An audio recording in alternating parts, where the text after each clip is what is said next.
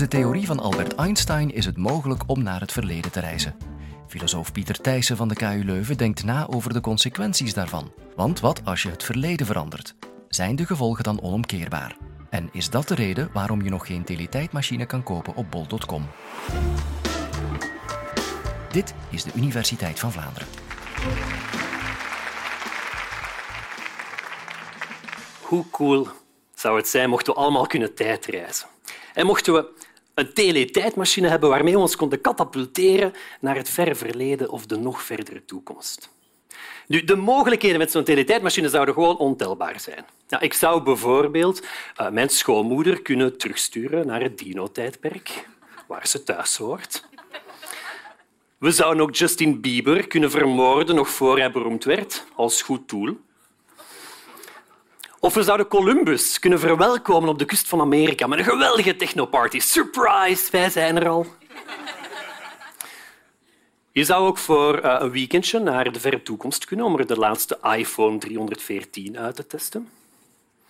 En je zou zelfs de almachtige God, onze Vader, de loef kunnen afsteken door in bed te kruipen met de maagd Maria nog voor hij de kans ertoe kreeg. Kortom, met een teletijdmachine zouden het verleden en de toekomst de ultieme vakantiebestemmingen worden. Maar helaas weten we allemaal dat tijdreizen het onderwerp is van wilde science-fiction avonturen, maar dat wij in werkelijkheid vastzitten in het heden. Althans, zo leek het. Tot ongeveer een eeuw geleden Albert Einstein op de proppen kwam met zijn relativiteitstheorie. En daarmee de deur leek open te zetten voor tijdreizen. Nu, voor jullie beginnen te juichen, toch een paar belangrijke kanttekeningen. Eerst en vooral is het van cruciaal belang een onderscheid te maken tussen tijdreizen naar de toekomst en tijdreizen naar het verleden. Kijk, tijdreizen naar de toekomst is perfect mogelijk, als je maar snel genoeg kan lopen. En daarmee bedoel ik lopen aan een snelheid rond de 300.000 km per seconde. Dat is behoorlijk snel. Immers, hoe sneller je loopt, hoe verder je kan springen in de toekomst. Tijdreis naar de toekomst is dus niet langer meer een, een theoretisch probleem. Nee, het is een technologische uitdaging geworden. Tijdreizen naar het verleden daarentegen ligt een stuk moeilijker. Nou, om te beginnen is het nog steeds een open vraag of het theoretisch gezien überhaupt wel mogelijk is. En ook al zou het theoretisch kunnen, dan nog blijft het probleem dat het bouwen van zo'n teletijdmachine praktisch en technologisch gezien geweldig moeilijk zou zijn. je zou om te beginnen een, een, een, wormgat moeten bouwen doorheen de vierdimensionale ruimte-tijd en dan een relativistische tijdsdilatatie induceren tussen die twee monden en uiteraard voldoende negatieve energie genereren om de gravitationele implosie van die Einstein-Rosebrug tegen te gaan. Kortom, je gaat de eerstkomende jaren, of misschien zelfs eeuwen, op bol.com nog geen teletijdmachine kunnen kopen. En ook al zou dat theoretisch en praktisch en technologisch allemaal lukken, dan nog ga je te kampen krijgen met grote filosofische problemen. En het is vooral hier dat het schoentje knelt. Ja, want wie tijdreizen naar het verleden zegt, die zegt ook tijdreisparadoxen. Nu, wie af en toe naar een tijdreisfilm kijkt, zoals Back to the Future of de net niet met Oscars genomineerde Hot Tub Time Machine, een echte aanrader, ja, die weet dat wanneer je naar het verleden gaat en met het verleden begint te prutsen, de dingen nogal snel uit de hand kunnen lopen. Met de meest desastreuze scenario's als gevolg. Ja, als je met andere woorden als jonge, enthousiaste chrononaut niet een beetje oplet in het verleden, dan creëer je daarvoor je het weet een of andere tijdreisparadox. En wat dan? Nu, er bestaan ontelbaar veel tijdreisparadoxen maar ze vallen doorgaans uiteen in drie grote klassen. Je hebt de consistentieparadoxen, je hebt de informatieparadoxen en tot slot de predestinatieparadoxen. Ik ga jullie van elke klasse één voorbeeld geven. Goed, nu de bekendste consistentieparadox, de, de grootvader zeg maar, der tijdreisparadoxen, uh, is de zogenaamde grootvaderparadox. Ook wel gekend als de uh, oeps, ik heb net onze bompa neergeknald paradox. En het scenario gaat ongeveer als volgt. Je springt in je teletijdmachine, je reist terug naar het verleden en je komt je grootvader tegen als kleine jongen. Nu, je kan op dat moment een heel aantal dingen doen. Nou, je zou met je grootvader kunnen gaan voetballen. of je kan de lokale dierentuin gaan bezoeken. Maar nee, om de een of andere mysterieuze reden vind je er niks beter op dan je shotgun boven te halen en je grootvader zonder pardon neer te knallen. Toegegeven, dat was waarschijnlijk niet uw slimste move. Want wat gebeurt er nu? Ja, uw grootvader is dood. Dus die groeit niet meer op tot die jonge knappe gast die destijds met uw grootmoeder is getrouwd. Dus die twee die krijgen ook geen kinderen meer. Dus één van je twee ouders wordt niet meer geboren. Dus jij wordt niet meer geboren. Dus jij verdwijnt in het niets. Maar als jij niet meer bestaat, hoe kon je dan naar het verleden om je grootvader te vermoorden? Ja, misschien is je grootvader wel niet vermoord. Misschien heeft hij zijn jeugd wel overleefd. Heeft hij wel kinderen en kleinkinderen gekregen. Misschien ben jij wel geboren. Maar ja, dan kan je natuurlijk terug naar het verleden om je grootvader te vermoorden. Kortom, we krijgen hier te maken met een totaal inconsistent scenario. Een echte tijdreisparadox. Nu, naast de consistentieparadoxen zijn er ook nog de informatieparadoxen. Ja, en ik hoop dat jullie vanavond allemaal terug naar huis zullen keren met een ongelooflijk enthousiasme voor Einstein en relativiteitstheorie. En met een beetje geluk trek je morgen naar de Bib en vind je daar het boekje The Meaning of Relativity, geschreven door Albert Einstein himself. Nu, je verslindt dat boek op een paar dagen tijd en je bent echt wel enthousiast. Je springt dus in je teletijdmachine en je reist terug naar het jaar 1900. Vijf jaar voor de ontdekking van de speciale relativiteitstheorie.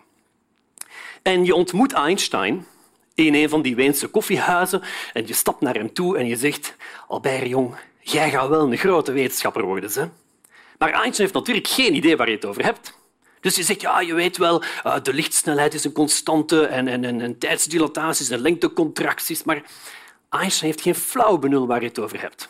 Dus je zet je neer aan tafel en je begint in geuren en kleuren de hele speciale relativiteitstheorie uit de doeken te doen. Nu, na een geweldig plezante namiddag, trek jij met je teletijdmachine terug naar het heden en Einstein die blijft geïnspireerd achter. Vijf jaar later ontwikkelt Einstein de speciale relativiteitstheorie en schrijft hij zijn boekje The Meaning of Relativity. Nu, de vraag is natuurlijk, wie heeft er nu de speciale relativiteitstheorie ontdekt? Ja, jij natuurlijk niet. jij hebt alles geleerd uit Einsteins boek. Maar Einstein eigenlijk ook niet, want hij heeft alles van jou geleerd tijdens die bewuste namiddag in het jaar 1900. Ja, het lijkt er dus op alsof de hele speciale relativiteitstheorie uit het niets is verschenen. Dat is een informatieparadox. Tot slot zijn er de predestinatieparadoxen, die teweeg worden gebracht wanneer je uh, bepaalde gebeurtenissen veroorzaakt doordat je ze nu net tracht te vermijden. Nou, ik geef een voorbeeld. Um, je bent op weg naar je allereerste zwemles en je krijgt plots een berichtje binnen van de toekomst, waarin staat dat je binnen tien jaar, in het jaar 2028, zal verdrinken. Bovendien vind je in bijlage je persoonlijke overlijdensbericht dat er echt wel realistisch uitziet, dus je slaagt in paniek. Beter het zekere voor het onzekere nemen. Dus je maakt rechtsomkeer en je besluit geen voet meer in het water te zetten. Tien jaar later, in het jaar 2028, geraak je betrokken in een tragisch auto-ongeval op een brug. Je auto vliegt over de reling en komt in het water terecht. Gelukkig kan je ontsnappen via een van de raampjes van je zinkende auto. Bovendien is, het water lekker warm, het is zomer. Er is ook geen stroming. En toch verdrink je. Ja, je hebt immers nooit zwemlessen genomen. Nu, dergelijke verhalen zijn natuurlijk bijzonder grappig en entertainend. Die vormen het perfecte materiaal voor de een of andere tijdreisfilm. Maar herinner u, als tijdreizen theoretisch mogelijk zou zijn, ja, dan zijn die tijdreisparadoxen dat natuurlijk eveneens. Nu, dat tijdreizen vreemde gevolgen met zich mee zal brengen, dat moet niemand verbazen. Maar als ze leiden tot een regelrechte paradox, ja, dan zitten we met een groot probleem. En dan wordt het dus wel hoog tijd dat wij ons als wetenschappers en filosofen over die problemen buigen en daar oplossingen voor zoeken. Nu, wat dat betreft valt het op dat er vooral gezocht wordt naar oplossingen voor de grootvaderparadox. En de reden hiervoor is eigenlijk heel simpel. Kijk, informatieparadoxen en predestinatieparadoxen ja, die klinken wel heel vreemd en tegenintuïtief, maar ze zijn wel logisch consistent. Ze leiden met andere woorden niet tot een echte contradictie of een echte paradox. Dat in tegenstelling tot de grootvaderparadox, die logisch inconsistent is. Ja, je grootvader is of dood of levend, maar hij kan moeilijk de twee tegelijkertijd zijn. Goed, dus ik sluit mijn college dan ook af door jullie drie oplossingen voor te schotelen voor de grootvaderparadox. En dan laat ik het aan jullie over om er jullie favoriete oplossing uit te kiezen. Nu, welke oplossing je voorkeur zal genieten, zal afhangen van het antwoord dat je zal bieden op de vraag kan ik mijn grootvader in het verleden vermoorden? Je kan daar op drie verschillende manieren op antwoorden. Je kan zeggen dat is gewoon een zinloze vraag. Of je kan zeggen nee, absoluut niet. Of ja, geen probleem. Goed. Ik begin met de zinloze vraag. De eerste oplossing die hebben we te danken aan niemand minder dan Stephen Hawking. Ja, je kent hem wel, de grote fysicus in de rolstoel. Nu, volgens Hawking is de grootvaderparadox zo absurd dat dit alleen al voldoende bewijs is dat tijdreizen naar het verleden absoluut onmogelijk is. Hawking schreef dan ook een belangrijk artikel in de jaren 90 waarin hij zijn zogenaamde chronologie-beschermingsprincipe introduceerde. Dat de geschiedenis moet beschermen tegen tijdreizigers uit de toekomst. meer precies stelt het principe van Hawking dat de wetten van de fysica geen teletijdmachines toelaten. Tijdreizen naar het verleden is onmogelijk. En de vraag of je je grootvader in het verleden kan vermoorden, is dan ook zinloos. Ja, je geraakt gewoon niet in het verleden. Nu, om de proef echt op de som te nemen, organiseerde Stephen Hawking een feestje voor tijdreizigers uit de toekomst. En hij was natuurlijk slim genoeg om de uitnodiging voor dat feestje pas de dag na het feest op te sturen. Op die manier wist hij tenminste zeker dat niemand weet kon hebben van het feestje, behalve dan de mensen uit de toekomst. Nu, zoals je kan zien, is er niemand komen opdagen en besloot Hawking dus nogmaals dat tijdreizen naar het verleden onmogelijk is. Nu, het grote merendeel aan wetenschappers is het met Hawking eens. Ja, tot voor kort was tijdreizen ook nog een taboe onderwerp in de wetenschap. Wie onderzoek deed naar tijdreizen, ja, die pleegde haast academische zelfmoord. Maar gelukkig zijn er altijd wel een paar ketters. Zoals de Russische fysicus Igor Novikov, aan wie we de tweede oplossing te danken hebben. Nu, volgens Novikov kunnen we wel reizen naar het verleden. Alleen ben je in het verleden niet langer meer vrij om zomaar eender wat te doen. Ja, de hele kosmische evolutie van het universum moet immers consistent blijven.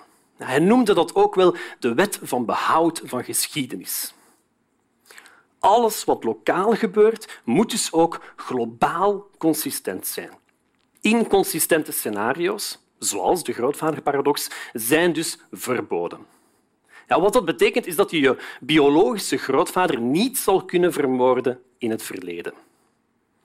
Kijk, het, het feit dat jullie hier nu vandaag aanwezig zijn, is immers het levende bewijs dat je grootvader zijn jeugd heeft overleefd.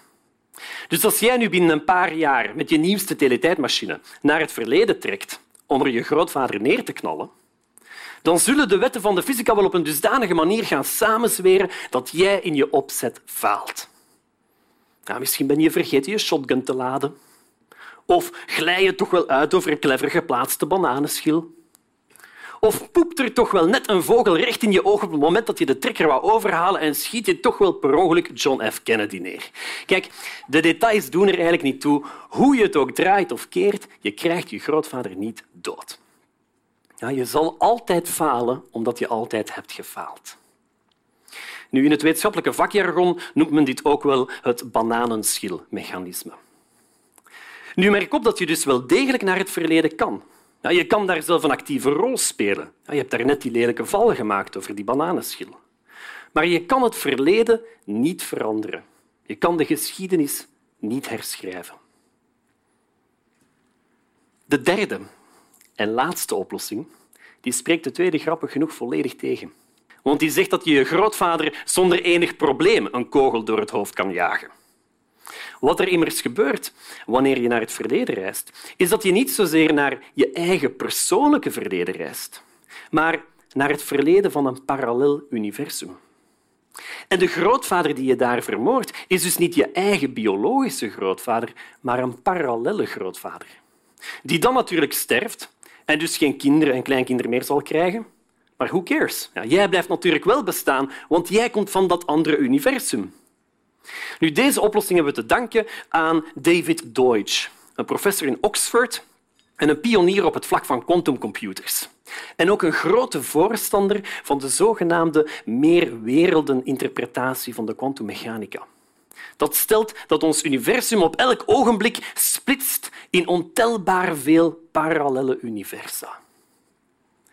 Nu, als op dit moment je hersenen beginnen te smelten, prijs jezelf dan gelukkig dat ik jullie nog niet heb verteld hoe tijdreizen het mogelijk maakt om je eigen moeder te worden, door in bed te kruipen met je vader in het verleden. Kortom, mocht het ooit mogelijk worden om op bol.com een teletijdmachine te kopen, en mocht je met die teletijdmachine naar het verleden op vakantie gaan, en misschien doe je daar zelf een vakantielief op, dan toch nog snel deze twee survival tips. Laat die shotgun zeker thuis en vrij vooral veilig. Kruip in je teletijdmachine en reis terug naar het tijdperk van de Romeinen.